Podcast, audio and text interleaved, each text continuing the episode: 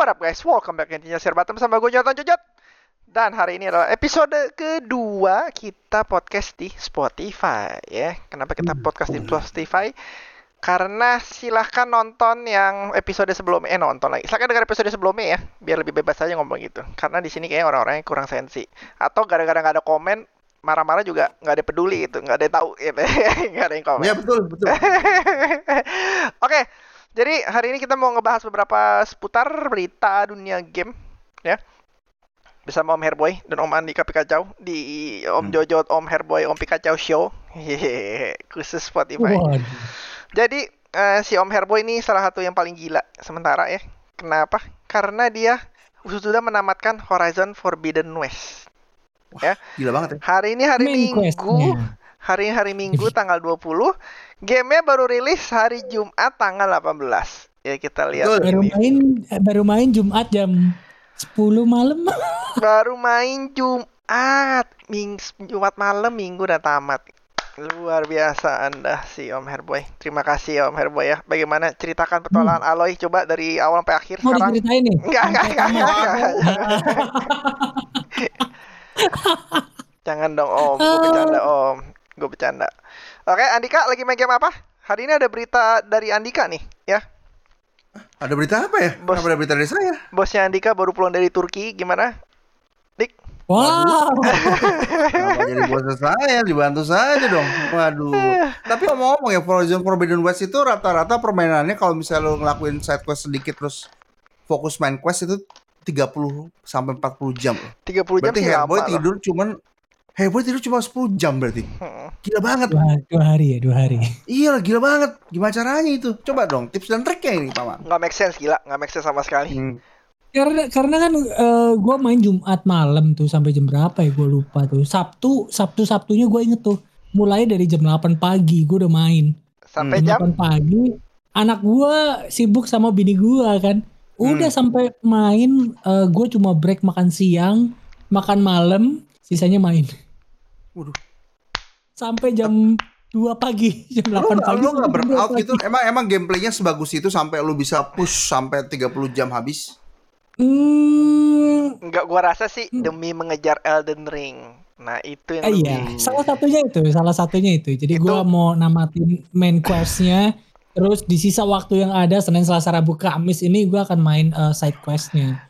Iya. Itu sih. Jadi Elden Ring Ya, paling enggak gue udah tahu cerita garis besarnya seperti apa gitu kan. Tinggal nanti eh, cerita-cerita di side questnya aja yang gue belum dap- belum tahu tuh. Ya jadi Elden Hmm. Ring Jumat beli, Sabtu tamat lah ya. Sabtu siang lah ya.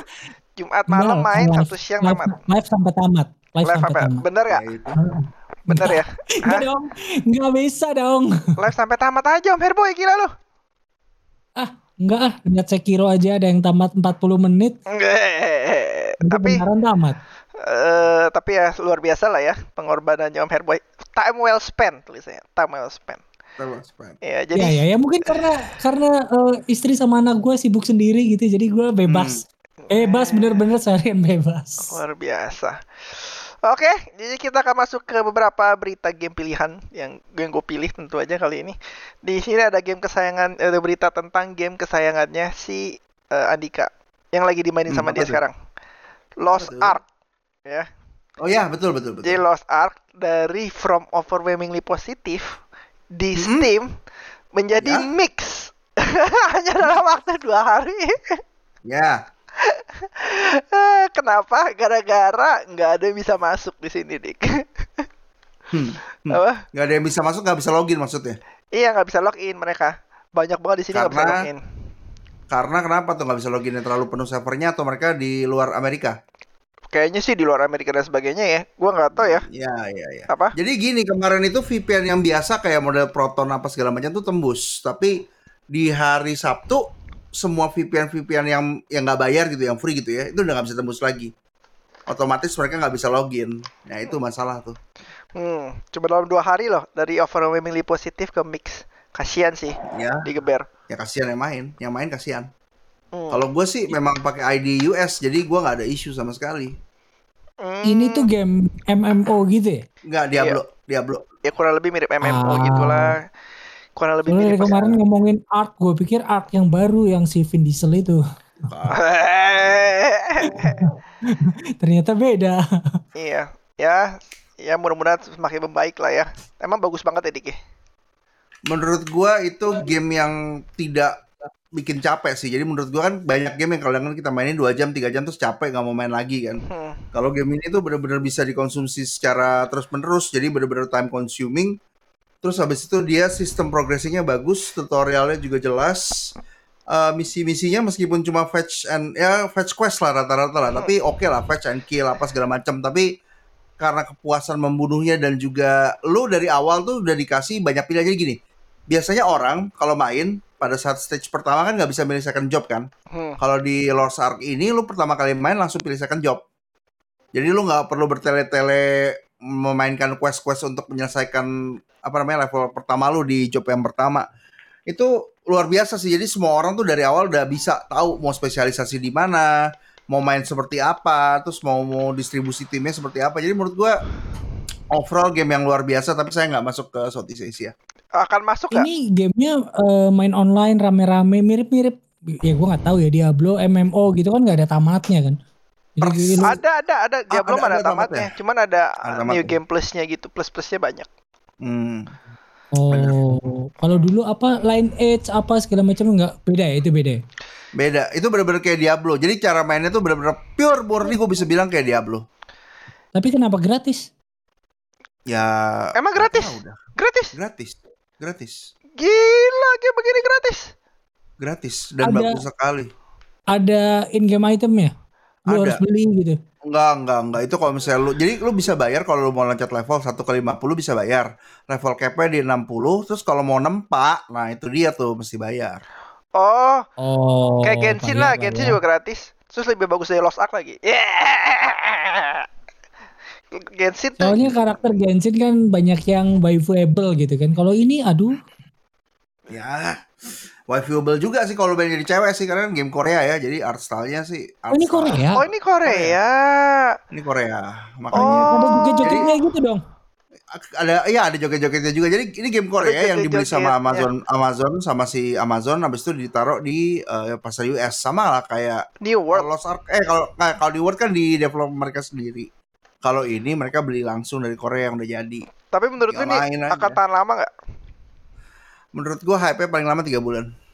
Ah, tergantung ya Iya.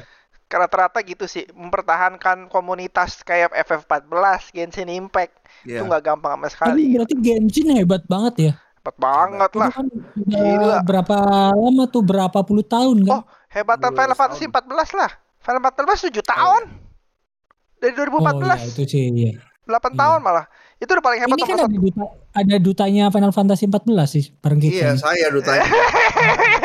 Nggak, tapi kalau Final Fantasy 14 itu kan memang memang itu kan memang apa anomali gitu loh. Jadi dia tuh bisa present dunianya dan ceritanya tuh luar biasa. Habis itu raidingnya dia memang seru sekali. Jadi kalau misalnya lu main MMORPG biasa, lu tahu kan jurus rotasi terus lu standby aja gitu. Maksudnya quite boring gitu. Tapi kalau Final Fantasy 14 itu lu coba ngerit aja dulu sekali. Beda banget. Seru sekali. Iya Final Fantasy harus di ini sih puji sih komunitasnya dia support support terus update update nya juga nggak main-main ya update update nya betul. jam pagi yang terakhir apa Shadowbringer Miss Endwalker. Endwalker Endwalker katanya cutscene Endwalker. cutscene nya juga gila banget ya And Walker itu ceritanya tuh jadi yang jadi yang patch pertama itu yang Heaven's Sword ceritanya cukup bagus yang eh, apa namanya yang keduanya itu biasa aja yang Stormborn eh Stormborn ya. Itu Stormblood. biasa aja. Yang ketiga Oh, iya. ini lumayan bagus. Ya yang tiga lumayan bagus. Yang apa namanya Shadowbringer ya. Yang keempat ini jauh lebih bagus daripada satu dua tiga. Jadi luar biasa sih. Lebih bagus daripada Genshin Impact nih ya lu banding sama Genshin Impact sih gue agak sedih ya. Tapi kalau ngomong-ngomong Final Fantasy 14, gua kan nggak main Final Fantasy yang eh, online nih ya. Hmm. 11 kan juga kalau nggak salah online kan. online online 11 Eh, eh, itu 11 sama 14 bagaikan bumi dan langit dong berarti.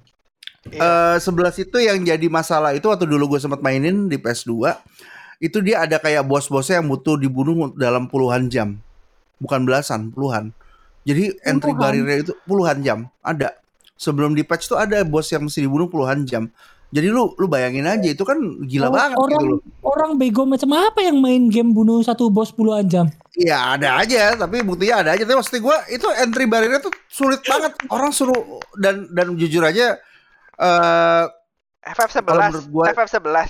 ya 11, 11 itu puluhan jam. Dan kalau misalnya yang 14 ini ya nggak ada lah bos-bos yang terlalu ekstrim kayak gitu. Yang dibutuhkan tuh ekstrimnya skillnya, bukan dibutuhkan ekstrimnya tuh eh, komitmen lu. Gitu. Tapi Oh. tapi sorry sih, cuman pas zaman FF eh, Final Fantasy 11 online internet tuh masih jarang banget, jujur aja ya. Dulu kan masih Tuh. Xbox 360. Lu mesti beli alatnya lagi tuh biar bisa wifi apa biar bisa nyolok kan kalau nggak salah. Hmm, lu butuh alat di PS2 yang bisa colok ke Gabel Gilden. PS ada tuh kecil. PS3 alatnya, hitam. kali. PS2 PS3 sih. PS2. PS2. PS2. Ya, pokoknya PS2. masih internet masih jarang banget lah itu salah banget yang ngeluarinnya pas saat itu. Tapi nggak juga sih Ragnarok.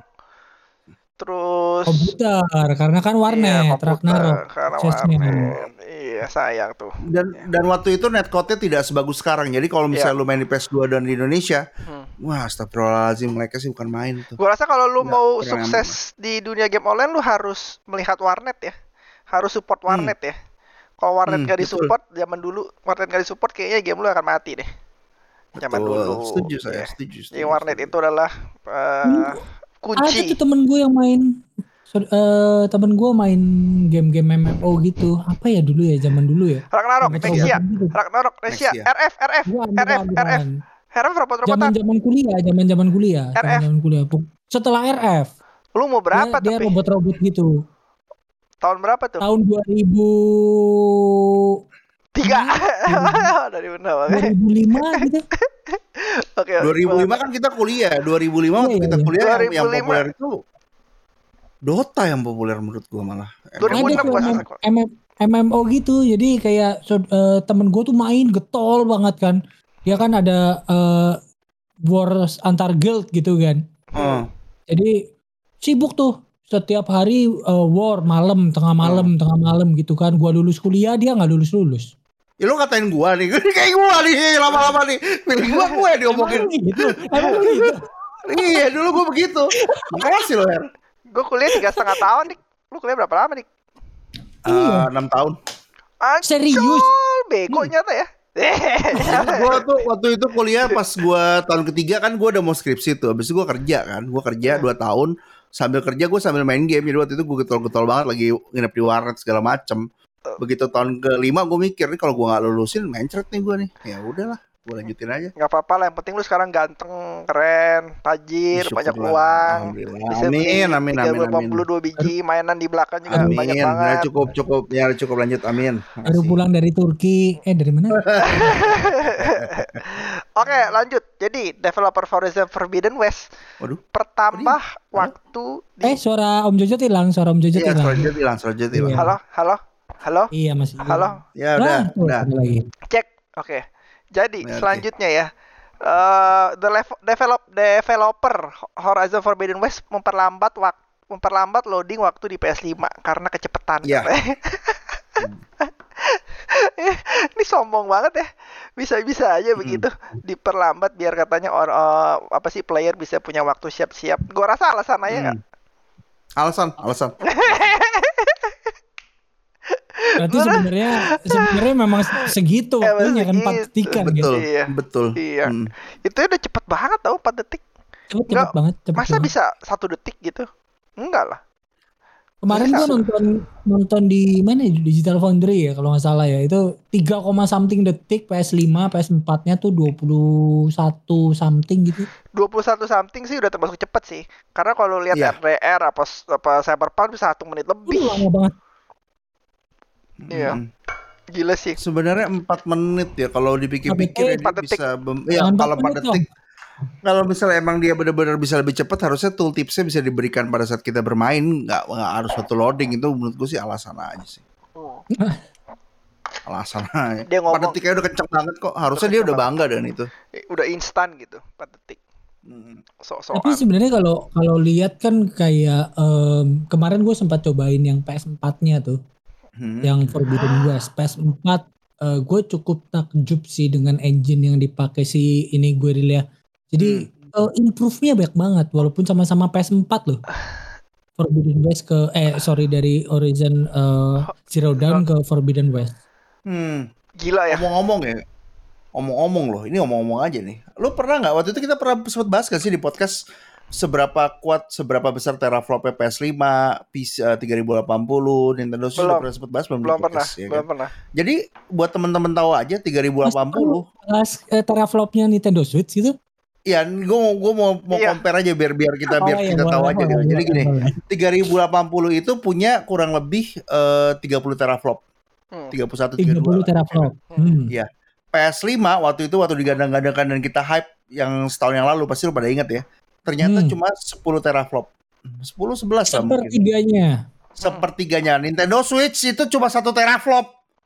Wow. Maksud Juara dong. gua, Juara dong. maksud gua iya itu juara. Tapi yang yang lebih gua keselnya lagi begitu gua sama Joy sempat bahas tuh kemarin tuh. mana-mana kan orang pengen jadi nomor satu kan. Nintendo Ya. Switch satu Nintendo itu. Satu teraflop aja cukup ya kan. Nggak tahu tuh main apa minus paper kali. Tapi gua serius ya maksud gua gini loh. Kalau misalnya dengan 10 teraflop Horizon Zero Dawn bisa bikin gambar yang lebih bagus daripada semua game PC yang gue mainin, gue ngomong fair-fairan ya, karena gue main PC gitu loh. Ah, Ini aneh sih, sepertiga kekuatannya aja bisa bikin gambar yang sebagus itu. Iya. Cyberpunk, Dan belum optimize lagi. other- iya maksud gue kayaknya kita tuh mengarah ke arah yang salah nih menurut gue. Sony ini udah tahu mau ke- mau lari ke mana gitu. Gue lebih baik mengoptimize engine-engine yang udah ada supaya gambarnya bisa maksimal. Kalau PC, ah udahlah raw powernya kuat, gue kasih aja semua, gue lempar sembarangan gitu. Mau optimize nggak optimize bodo amat, Hmm. Hmm. berasa jadinya. Hmm, law of diminishing return gak sih, Dik? Jadi kalau kalau semakin Hmm. kuat, jadi jadi nggak nggak terlalu kuat kuat kuat banget gitu. Dibandingkan kalau misalnya dari misalkan lu balap mo- mo- mobil ya dari 0 sampai Ah. 100 cepet tapi 100 Mm. sampai 150 nah nggak akselerasinya nggak secepat sa- 0 sampai 100 Nah, Switch-nya jelek ya. Se- sebenarnya gini sih kalau kita ngomongin law of diminishing return buat teman-teman yang nggak tahu ya itu sama aja kayak misalnya lu kalau misalnya beli audio sejuta sama audio 20 juta gitu ya bukan berarti audio yang 20 juta itu 20 kali lipatnya audio yang sejuta enggak biasanya makin lama makin berkurang gitu ya. Cuman masalahnya ya kita ngomongin tiga kali lipat kekuatan processing power loh tiga kali loh. Ini kan kita suatu raw data jadi kalau menurut gua ya ini cuma masalah optimize aja buktinya Breath of the Wild bagus tuh Mm. oh by the way gua kemarin main-main main itu main apa namanya main main Wii. Sport oh ya Nintendo Switch Sport nah ini juga of mau gue bahas di sini Zelda. Ah. Oh, putar mulu putar kalau gitu ntar aja deh. Nanti Ini- nanti gua akan mau ceritain sesuatu yang lain dan lanjut. Oh, ya. gak apa lanjut aja langsung Nintendo Switch rumornya AMD FC, FSR report support ya Iya, di, betul. katanya pertama Kamu. kali di, di Wii, Wii U Sport ini Di Eh, Switch Sport. ya. coba coba lo jelasin coba lo jelasin Jadi intinya sih kalau misalnya lu familiar sama Nvidia dengan teknologi DLSS-nya, lu tahu kan dia bikin kayak supaya Tahu. resolusi yang kecil sama Tahu. dia di upscale kan. Tahu. Nah, si AMD ini bikin yang kayak open source ya, jadi semua orang bisa pakai. Terus habis itu Nintendo Sports katanya pakai itu kan. Gue pertama kali pikir ini pasti jelek gitu loh hasilnya karena kalau lu pakai upscaling gitu teknologi upscaling itu nggak terlalu bagus kecuali lu bener-bener uh, desain apa namanya program scalingnya satu persatu secara manual supaya bisa di render dengan baik gitu kan. Hmm. kemarin gue main yang yang beta. Gue nggak tahu lu berdua udah sempet download demonya belum? Belum. Gue lagi main Belum, Horizon belum. Forbidden West. Nah demonya itu cuma bisa kalau nggak salah sehari cuma bisa dimainin tiga kali. Sehari tiga kali satu jam satu jam satu jam. Pas gue sempet mainin bagus banget. Bagus alus banget sumpah. Gue nggak nyangka sih. Maksudnya dengan dengan level detail seperti itu dengan frame rate yang cukup tinggi emang bener FSRR works jadi feeling gue Nintendo ke depannya pasti akan menggunakan ini ke game-game yang lain supaya bisa dengan satu teraflop itu bisa bisa increase performance lebih Enggak, mantep lagi ya? gitu. jadi nggak Iya, tapi teraflop. perlu perlu Emang kan ada demonya ya? Hmm? Yang Nintendo Switch Sports itu ada demonya. Ada ada demonya tapi Ada lu mesti daftar dulu. Lu nggak bisa langsung download aja mesti daftar dulu. itu perlu Daftar, kode. itu nggak perlu ganti itu kan nggak perlu ganti mesin berarti pakai pakai Nvidia sekarang pakai Tegra sekarang bisa pakai FS, Bisa, FSR bisa. Hah? Bisa. tapi emang eh, Bisa. emang DLSS itu yang khusus Nvidia kalau FSR itu memang bisa dua-duanya kan Betul. Tepat sekali. Dia open ke semua sih. Hmm. Tadinya Oh, gue pikir tuh em, kalau di PC kan udah umum kan bisa pakai FSR. Makanya kemarin gue tanya tuh, ini kalau di Nintendo Switch memungkinkan nggak? Karena kan Tegra gitu kan. Ternyata ternyata katanya memungkinkan Mungkin, mungkin. Karena itu software sided bukan hardware sided. Jadi itu softwarenya selama lu pas implementasi itu bisa jalan. Iya, Apa pun itu softwarenya. Iya Jadi jadi bisa dibilang kinerjanya si Nintendo Switch ini prosesor sama apa pun itulah di dalam jeroannya itu dia akan jagain FPS-nya. Ya Di, Hmm. dibikin FPS-nya 30 terus dari sisi grafiknya dibantu sama FSR gitu ya. Lebih tepatnya gini, lebih tepatnya gini. Jadi resolusi itu kan menentukan frame rate juga. Jadi makin banyak resolusi yang mesti ditampilkan di layar gitu ya, makin detail itu otomatis makin butuh banyak power dan energi. Nah, di ini dia meng- apa namanya mengemulasikan seakan-akan jadi gini, dia bikin resolusinya diturunin misalnya dari 1080 jadi 720. Kan otomatis kan frame rate-nya naik tuh, ya kan? Iya. Tapi sama dia pakai semacam AI dalam tanda kutip ya, yang bisa membuat itu upscale. Jadi gambarnya resolusinya lebih tajam, tapi frame rate-nya tetap ngikutin yang Oh, iya, 720 betul. Hmm. Nipu lah, ditipu lah.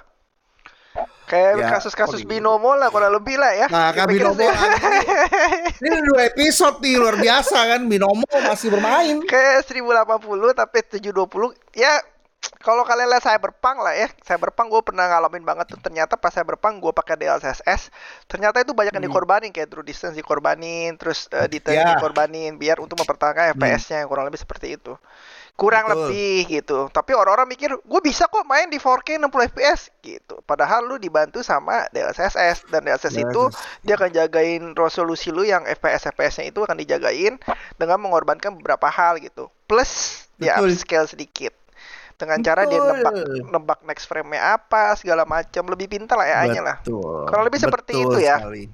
Ya, betul, tepat sekali. Jadi eh, waktu itu AMD mengembangkan FSRR dengan tujuan gini, dia tahu kalau misalnya market sekarang sudah sulit mendapatkan VGA atau GPU gitu ya. Jadi dia pikir ya udah lalu pakai VGA lama lu nggak apa-apa, ntar gue bikin gimana caranya secara software bisa di increase performance-nya gitu. Iya, jadi ngapain dia bikin Switch Pro ya? Ngapain dia Hmm. bikin Switch Pro? Udah ada FSR sama cloud, goblok Nintendo.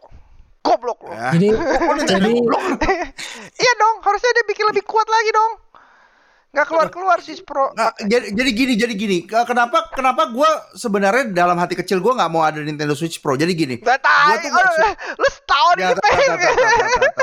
sabar, sabar, sabar. Biar gue jelaskan, biar gue jelaskan. Oke, Jadi gini. oke, oke. Sebenarnya kalau misalnya yang gue pinginin itu pada pada pada dasarnya, pada akarnya gitu ya, gue pingin performance boosting, ya kan. Hmm. Kalau misalnya dia bikin pakai Pro, nantinya kita akan kembali ke Nintendo Switch yang satu, baterainya cuma tahan dua setengah jam, karena TDP-nya tinggi kan, naik kan otomatis kan. Nah kalau misalnya dia bisa achieve itu tanpa harus menaikkan power itunya, power source-nya, bagus. Ngapain lu naikin power lu tapi performance-nya naik cuman dua kali gitu. Kalau misalnya dengan power yang sama bisa dapetin performance yang lebih baik itu much better. Tapi kalau dengan hardware hardware yang beda, hardware lebih kenceng ditambah software mo- modifier yang lebih kenceng lagi, kan lebih bagus lagi dong. Lebih bagus lagi betul. Iya, berarti harusnya keluar Switch Pro aja dong. Ya kalau gitu kita kembali yang pertama ya. Itu goblok. Ini sekarang Nintendo, Nintendo Switch itu kan em, dia gamenya rata-rata 30 FPS kan. Ya, Jangan- rata-rata 30. Sedangkan kita kan pengennya 60 FPS nih gitu kan. satu double empat tapi dong. oke. Hmm. Iya, jadi nanti kemungkinan Nintendo Switch akan keluarin 2 teraflop gitu ya. Double loh. Lu harus lihat eh, multiplikatornya itu dua kali. Double. Lo kayak iPhone tau nggak? This is the bub- double power chip, double power gitu kan. Tapi cuma 2 te 2 teraflop ya mending tonton aja. Tapi ya, ya, gue lagi cek ya. Ya lanjut. lu mau ketawain apa enggak ya? Gue main Forbidden West di 4K 30 FPS di favor resolution. Dan Enak ya? ternyata bagus banget. Gue nggak bohong. Bagus. Ya, grafiknya bagus, bagus banget. banget. Ini gue Bagus nggak pernah main game grafik lebih bagus dari ini. Terakhir mungkin Forza ya atau God of War di PC tapi ini sih extra level lah. Ini kayak pertama kayak ngeliat Uncharted 4 tau gak sih? Tiba-tiba dikasih grafik yang lompatnya dadanya berkibar-kibar ya. Iya. Ini sih yang belum pernah yang belum main sih yang punya PS5, yang punya PS5 ya, punya PS4 nggak usah main lah Forbidden West. Enggak, tapi mau main boleh, masih bagus. Tapi kalau bisa main di PS5, uh, dan gue sih ya 4K 30 fps awal-awal sih buram sih. Cuma gue penasaran kenapa Digital Foundry itu rekomennya 4K 30 fps yang maksudnya favor apa sih favor resolution gitu. Oh. Ternyata memang awal-awal lu kayak abis dari 60 FPS 30 FPS kayak tersendak-sendak mainnya tau gak sih? Iya, betul. Dan ternyata uh udah kebiasaan. Ternyata kayaknya di atas 30 FPS gitu. Kayaknya ya. Ya. Gua nggak tahu ya. Apa Karena dia perasaan- 30 FPS-nya stabil, Jot. itu Stabil yang luar biasa. banget, Jadi iya. bener-bener stabil banget. Mm-mm. Yang jadi yang jadi pentingnya itu adalah kestabilannya. Jadi percuma lu 60, tapi lu naik naik naik turun 30, 60, 30, 60, Iya, lu iya. ngedip berasa Iya. patah-patah. Tapi kalau 30 stabil harusnya no issue. Iya, gue coba cobain aja deh teman-teman yang dengerin, mudah-mudahan cobain aja ya. Siapa tahu senang gitu sama itu 30 FPS. Tapi kalau memang mau 60 FPS ya nggak apa-apa juga sih gitu. Tapi gue sementara lagi main di 30 FPS. Saya kan juga baru ganti TV kan. TV gue kemarin kan Iya. baru ganti yang 55 inch C1 ya. Hmm. Jadi ya, gua ya, terus ya. bagus bagus. dan dan gue sukanya tuh eh, Forbidden West itu dia setting ganti eh, resolusi sama ganti performanya itu langsung kan lu nggak Iya. perlu reset gamenya Nggak kan perlu, nggak perlu. Jadi kapan pun perlu. lu mau ganti eh, enak banget tuh langsung Cukup Ya. cukup emes lah gue sama uh, Guerrilla Games cukup emes lah. Ini kalau dia begini terus si pecah sih Sony bisa pecah lagi gitu loh. gue Ya, salut ini sama engine-nya sih engine-nya nggak benar-benar eh, bagus banget sih buat yang ini Iya, Tadinya bagus. gua gua mikir tuh kayak ini game dikeluarin di PS4, PS5, lu ngarepin apa gitu kan? Gue pikir Iya. gitu, pasti secara secara grafik, secara apa akan ada Iya. penurunan untuk Betul. mengantisipasi PS4 gitu kan performa Betul, PS4 ternyata betul, betul. enggak juga. Dan cutscene sama in, real real time-nya nggak bisa dibedain loh sekarang. Sumpah. Swear Iya. gawel. Cutscene sama real time-nya hampir nggak bisa dibedain lah. Gue nggak tahu sih. Gue nggak bisa bedain sih. Jujur aja sih. Awal-awal gue tahu cutscene sih gitu. Tapi pas sembari main, uh transisinya tuh super duper mulus banget gitu. Eh cobain lah. Gue nggak bisa ngomong terlalu banyak lah. Ntar kita ngomongin Horizon Forbidden West minggu depan lah. Itu no spoiler apa cerita-ceritanya. Iya. Kalau- Tapi kalau misalnya kita boleh nggak sih kritisi sih di sini? Ya, Boleh, boleh. Boleh lah. Makanya gue mau di Spotify. Wah luar biasa karena menurut gue Horizon Forbidden West tuh dengan grafis yang luar biasa, battle sistemnya yang cukup menarik itu banyak banyak hal yang cukup kecil-kecil yang sangat mengganggu. Yang paling gampang yang pertama ya, dia itu lu mau difficulty mana pun ya, tetap barang-barang yang tersedia di jalan itu agak agak banyak, terlalu banyak. Misalnya gini, lu kalau misalnya lu mau pakai panah, lu kan harus bikin panahnya kan, ya kan? Hmm.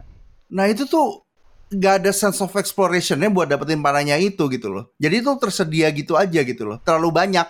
Jadi kesannya kayak gue ambil jalan tuh sambil pick pick pick gitu dan itu udah otomatis auto apa namanya autopilot lah gue ngomongnya lah. Harusnya dibikin sedikit scarce. Jadi kita dipaksa di beberapa tempat harus menggunakan jangan cuma stealth. Pilihannya cuma stealth atau battle enggak. Harusnya kalau misalnya memang kita nggak punya senjata ya harus harus terpaksa harus stealth.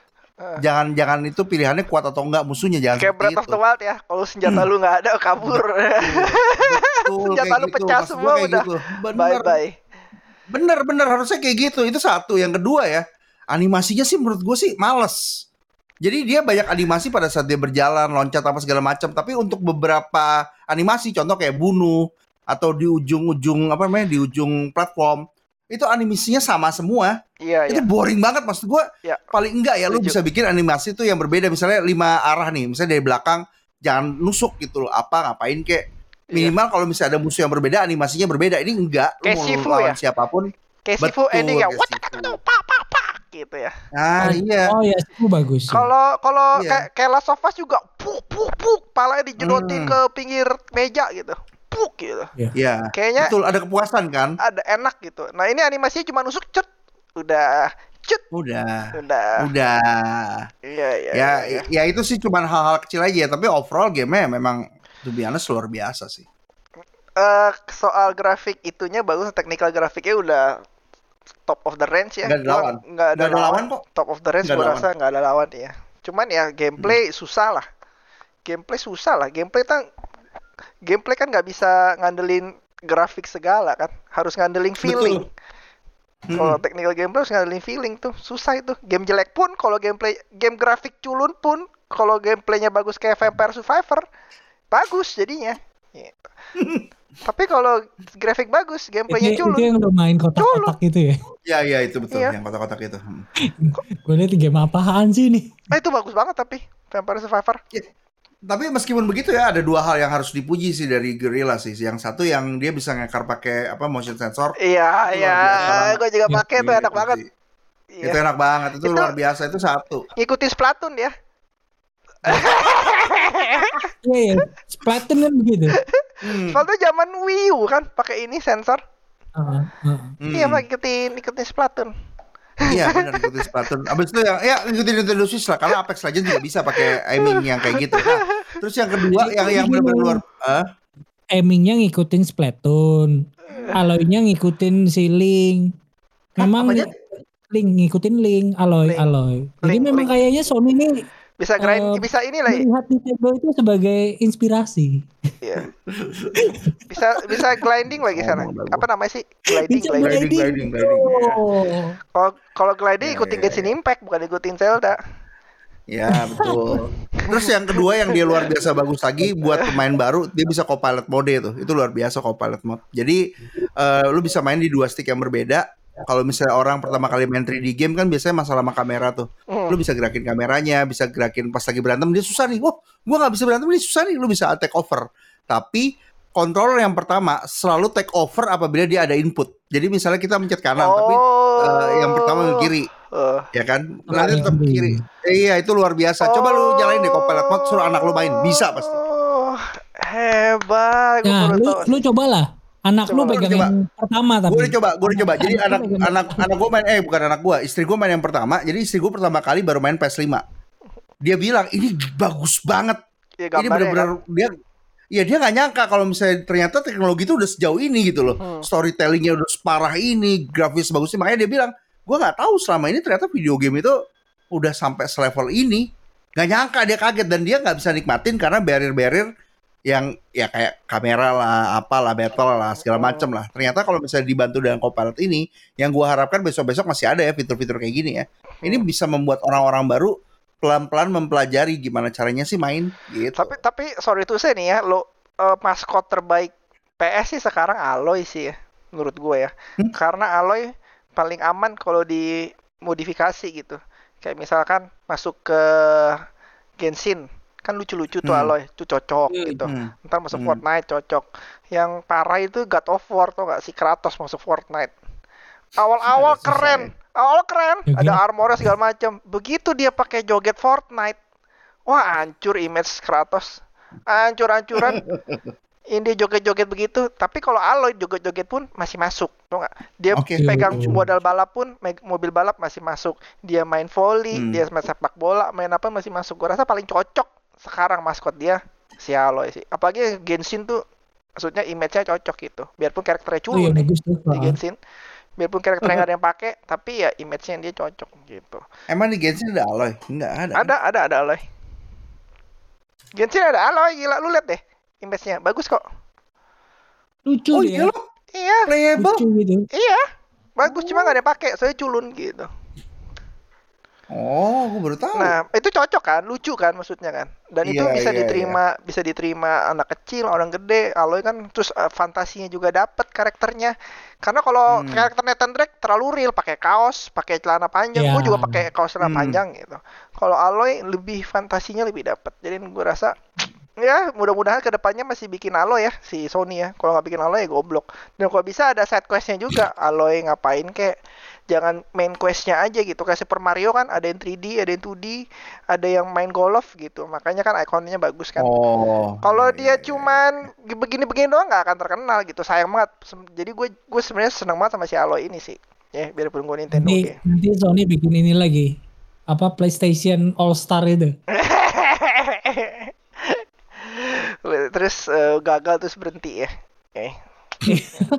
Stopin terus eh ada lagi yang mau ngomongin kayak terakhir ini gue ngomongin ya. Nintendo Switch tut- tutup 3DS and Wii U support ya. Hmm. dan ini juga dikecam sama apa sih eh, Video Game History Foundation. Mengecam keputusan ini gitu. kenapa? Kenapa? Kenapa dikecam? S- karena sebentar nih gue baca dulu. Tadi gue udah baca lupa lagi. Ntar gue buka dulu. Oh iya dia kita kan udah beli ya kan. Sebenarnya Iya, kalau kita hmm. udah beli, kalau dia nggak langsung putusin begitu, harusnya di Nintendo tanggung jawab atas akses-akses barang-barang yang udah kita beli gitu. Jadi Hmm, kalau misalkan Wii U-nya ntar pindah ke Switch Shop terus bisa di-download gratis, ya itu nggak masalah gitu. Tapi ini kan bener-bener kita udah beli, terus kita nggak bisa download lagi gitu. Iya, iya. Dan itu game-game retro yang banyak di di S sama Wii U kan banyak banget tuh game retro tuh. Ya kan? Hmm. Itu harusnya kan tanggung jawab Nintendo biar kita punya akses ke sana gitu. Hmm. Kalau begini dia susah-susahin terus bajakan juga dimati-matiin sama mereka biarpun memang harus dimati-matiin ya. Tapi ya Nintendo juga kurang bertanggung jawab gitu kasarnya. Hmm. Dari video Emang kalau misalnya udah tutup kita nggak bisa download ulang lagi Nggak meskipun bisa. nggak bisa beli ya. nggak bisa Nggak bisa download lagi ya. nggak bisa Kan katanya kalau udah beli bisa. Kan ditutup shopnya kan lu nggak punya akses lagi Hmm, kemarin gue sempat baca berita di mana katanya kalau Masih lu bisa? udah beli bisa. Katanya. Nanti gue coba cari lagi beritanya deh. iya, iya. oh masih bisa Masih bisa. oh Masih bisa kok. Oh ya kalau udah udah, iya, udah, iya, udah iya, beli, oke, udah oke. punya berarti bisa kan? Iya berarti nggak masalah Iya, deh gua. Masalah berarti Nggak masalah. masalah. Sorry sorry sorry sorry sorry maaf maaf maaf. maaf. Iya berarti nggak masalah deh ini deh. Iya berarti video game history lebay. Hehe nggak ada bercanda deh. Karena kan kalau maintain store-nya tetap buka tapi yang belinya sedikit kan juga Iya cost-nya kasihan. tinggi kan? Kasihan. Ah, Gue ah. pikir ditutup semua total, jadi kita nggak punya akses sama sekali ke toko eh, ke game-game kita yang terakhir di download. Hmm. Gitu sayang juga sih. Tapi kalau masih bisa, ya oke, gua masih eh, masih belum terlalu parah lah sama si Nintendo ya. Hmm. Ya. Oke, kayak sekian dulu udah cukup lah ya, udah 36 menit. Em, Ya. Kurang lebih seperti ini, mudah-mudahan eh, apa? Mudah-mudahan mem- membantu, membantu lagi, mudah-mudahan terhibur dan ter apa sih dapat ilmu pengetahuan, ilmu pengetahuan, dapat informasi-informasi yang lebih baik ya dari podcast-podcast Hmm. ini. Ya, terima kasih Om Andika, Om Herboy. Ya, terima kasih teman juga sudah Terima kasih. mendengar. Kita ketemu lagi di segmen selanjutnya ya. Mudah-mudahan ada berita-berita lagi ya. Ada Hmm. berita apa lagi ya minggu depan ya? Dik, selain binomo. Elden Ring. Oh iya, ada Elden Ring. Harusnya Elden Ring, habis itu kita bisa tunggu. Nggak ada Elden Ring doang kalau minggu depan. Minggu depannya lagi Oh, ada Triangle Strategy. Iya, boleh lah kita ngomongin game-game yang lagi. kita mainin. Oke, Om Herboy, terima kasih. Dika, Terima kasih. kita ketemu lagi semua di segmen selanjutnya. See you guys. Bye. Bye.